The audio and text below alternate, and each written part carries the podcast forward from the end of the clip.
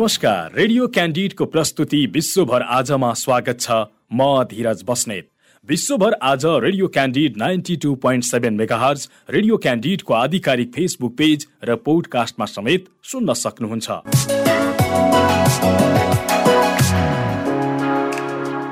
विश्वभर आजमा हामी विश्वभर घटेका ताजा र विशेष घटना समेटिएका समाचार सामग्री प्रस्तुत गर्दै आएका छौँ।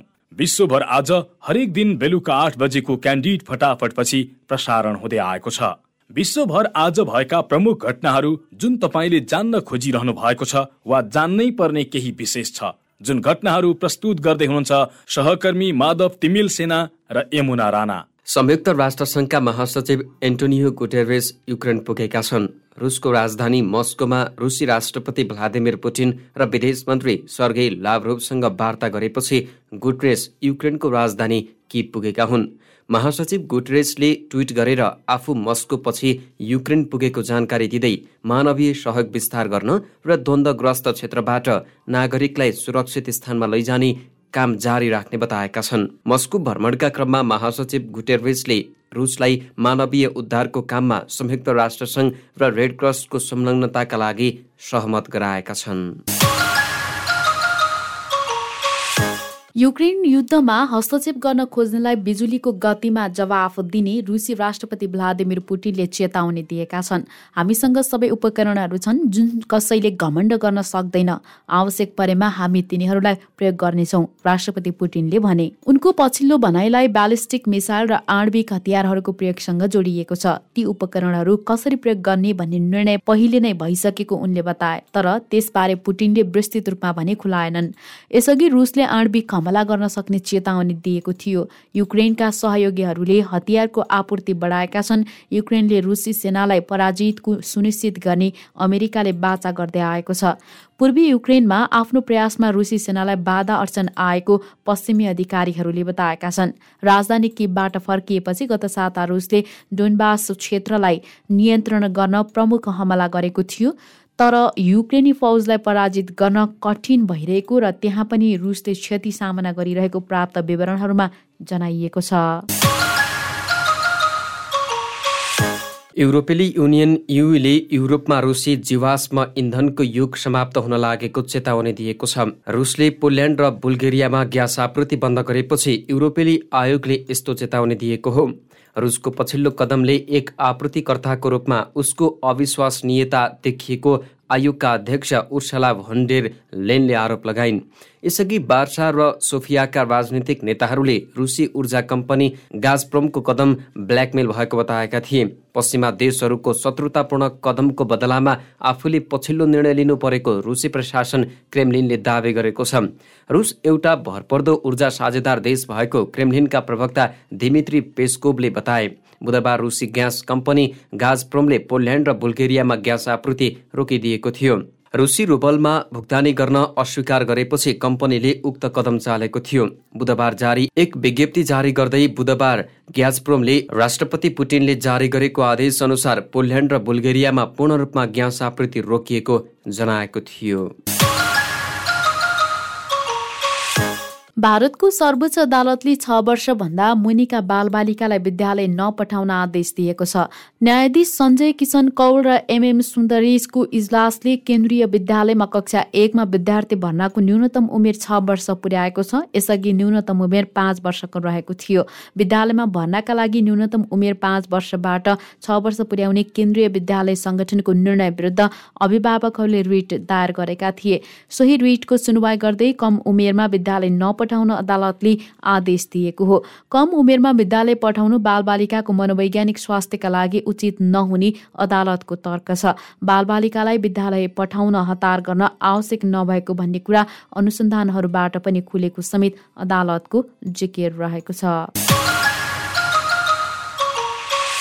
रुसले ग्यासको व्यापारलाई हतियारको रूपमा प्रयोग गरेको युक्रेनी राष्ट्रपति भ्लोदिमिर जेलेन्स्कीले आरोप लगाएका छन्। नियमित भिडियो सन्देश जारी गर्दै युक्रेनी राष्ट्रपति जेलेन्स्कीले रुसले ग्यासको व्यापारलाई हतियार बनाएको आरोप लगाएका हुन्। पोल्यान्ड र बुल्गेरियालाई ग्यासको आपूर्ति रोक्ने रुसी घोषणापछि युक्रेनी राष्ट्रपतिले यस्तो टिप्पणी गरेका हुन्।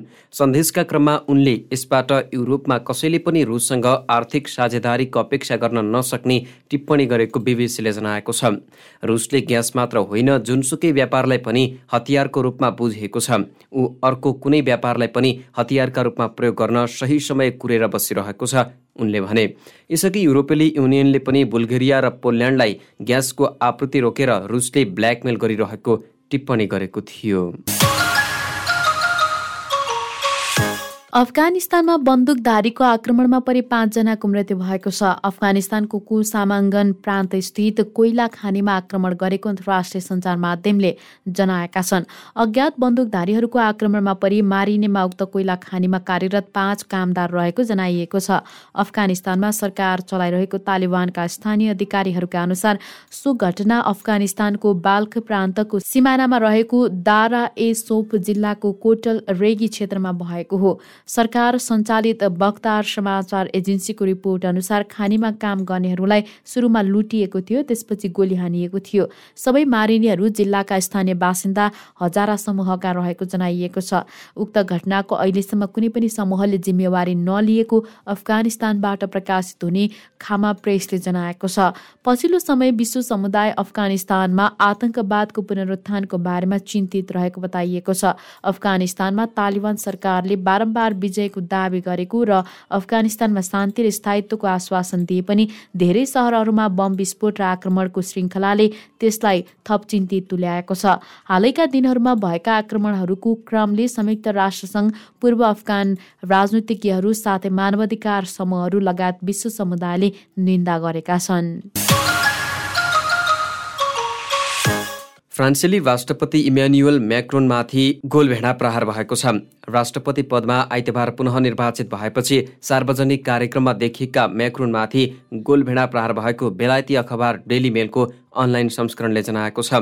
राष्ट्रपति चुनावमा आफ्नो विजयपछि म्याक्रोनले फ्रान्सेली जनतालाई धन्यवाद दिन पेरिस नजिकैको सेर्जी नगरको भ्रमण गर्ने बेला भिडबाट कसैले उनलाई गोलभेडाको झोलाले प्रहार गरेको थियो। तर राष्ट्रपतिलाई गोलभेडाले लागेन। म्याक्रोनलाई प्रहार गरेको गोलभेडा उनलाई नलागे उनका सुरक्षाकर्मीलाई लागेको थियो। गोलभेडा लागेपछि ती सुरक्षाकर्मी अत्तालिएर चिच्याएका थिए। तत्काल सुरक्षा अधिकारीहरूले म्याक्रोनलाई चारै दिशाबाट घेरेका थिए। उनीहरूमध्ये एकजनाले एउटा विशेष छाता खोलेर म्याक्रोनलाई ढाकेका थिए। यस वर्ष विश्वभर दादुराका घटनाहरू लगभग अस्सी प्रतिशतले बढेको राष्ट्रसङ्घले जनाएको छ। रोग वृद्धिले अन्य रोगहरूको प्रकोप बढ्ने सम्भावनातर्फ सङ्केत गरेको पनि राष्ट्रसङ्घले चेतावनी दिएको छ। कोरोना भाइरस महामारीले विश्वभर गैर कोभिड रोगहरूका लागि खोप अभियानहरू अवरुद्ध भएको र यसले लाखौँ बालबालिकाको जीवनलाई जोखिममा पार्न सक्ने राष्ट्रसङ्घीय बाल कोष युनिसेफ र विश्व स्वास्थ्य सङ्गठनले जनाएका छन्। विश्व स्वास्थ्य सङ्गठनको तथ्याङ्क अनुसार जनवरी र फेब्रुअरीमा विश्वभर सत्र हजार तिन सय अडतिसजनामा दादुरा देखिएको छ। गत वर्ष सोही अवधिमा नौ हजार छ सय पैँसठी जनामा यो रोग देखिएको थियो। पछिल्लो बाह्र महिना यता दादुराका एक्काइसवटा ठूला प्रकोप देखिएका छन्। तीमध्ये अधिकांश अफ्रिका र पूर्वी भूमध्य सागरमा देखिएको जनाइएको छ। उत्तर एटलान्टिक सन्धि संगठन नेटोका महासचिव एन्स स्टोलटेन्ट बर्गले स्विडेन र फिनल्यान्डले सदस्यताका लागि आवेदन दिए स्वागत गर्ने टिप्पणी गरेका छन्। स्टोलटेन्ट बर्गलाई उद्धृत गर्दै अन्तर्राष्ट्रिय समाचार संस्था एपीले जनाएअनुसार सदस्यहरूका लागि आवेदन दिएको खण्डमा नेटोले फिनल्यान्ड र स्विडेनलाई खुला हृदयले स्वागत गरिनेछ। यो उनीहरूको निर्णय हो तर यदि उनीहरूले आवेदन दिने निर्णय गरेको खण्डमा फिनल्यान्ड र स्विडेनलाई नेटोमा न्यानो स्वागत गरिनेछ र मेरो आशा छ यो प्रक्रिया चाँडै सकिनेछ। स्टोल्टेन बर्गलाई उद्धृत गर्दै एफीले जनाएको छ। यद्यपि उनले ती मुलुकहरू नेटोमा पूर्णरूपमा आबद्ध हुन कति समय लाग्छ भन्ने बारे कुनै विवरण नदिएको जनाइएको छ। रुसले युक्रेनमाथि आक्रमण जारी राखेका बेला फिनल्यान्ड र स्विडेनले नेटोमा सदस्यताका लागि आवेदन दिन लागेको भन्ने समाचार सार्वजनिक भइरहेका बेला स्टोल्टेनबर्गको यस्तो टिप्पणी आएको हो। केही दिन अघि स्विडेन र फिनल्यान्डका अखबारहरूले अर्को महिना दुई मुलुकले सदस्यताका लागि आवेदन दिनेबारे सार्वजनिक घोषणा गर्ने खुलासा गरेका थिए। युक्रेनमा जारी रुसी आक्रमणका कारण अमेरिका र रुस बीचको सम्बन्ध चिसिरहेका बेला दुई मुलुकले बन्दी साटासाट गरेका छन्। अन्तर्राष्ट्रिय समाचार संस्था एपीका अनुसार दुई मुलुकले बन्दी साटासाट गरेका हुन्। रुसले जेलमा रहेका अमेरिकी मरिन फौजका पूर्व सैनिक ट्रेभर रिडलाई रिहा गरेको र बदलामा अमेरिकाले पनि रुसी पाइलट कन्स्टन्टाइन एरोस्टेनकोलाई रिहा गरेको हो। उनीहरूलाई टर्कीमा साटासाट गरिएको रिडका पिता जोइ रिडलाई उद्धित गर्दै एपीले जनाएको छ।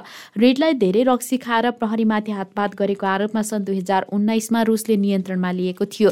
यता यारोस्टेन्कोलाई अवैध लागु औषध कोकिन तस्करी गर्ने षड्यन्त्र गरेको आरोपमा अमेरिकामा पक्राउ गरिएको थियो। रेडलाई रुसमा नौ वर्षको कारावास सजाय सुनाइएको थियो भने यारोस्टेन्कोले अमेरिकामा बिस वर्षको सजाय पाएका थिए। अमेरिकी प्रशासन व्हाइट हाउसले बन्दी साटासाट भएको घटनाको स्वागत गरेको जनाएको छ। यद्यपि बन्दी साटासाट गर्ने कदमले दुई मुलुक बीचको सम्बन्धमा तत्कालै कुनै ठूलो परिवर्तन आइहाल्ने सम्भावना नरहेको एपीले जनाएको छ।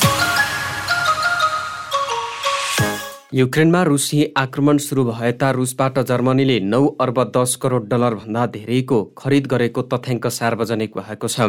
स्वतन्त्र शोध समूह Centre for Research on Energy and Clean एयरका अनुसार युक्रेनमाथि आक्रमण थालेको दुई महिनामा जर्मनीले नौ अर्ब दस करोड डलरको रुसी इन्धन खरिद गरेको हो।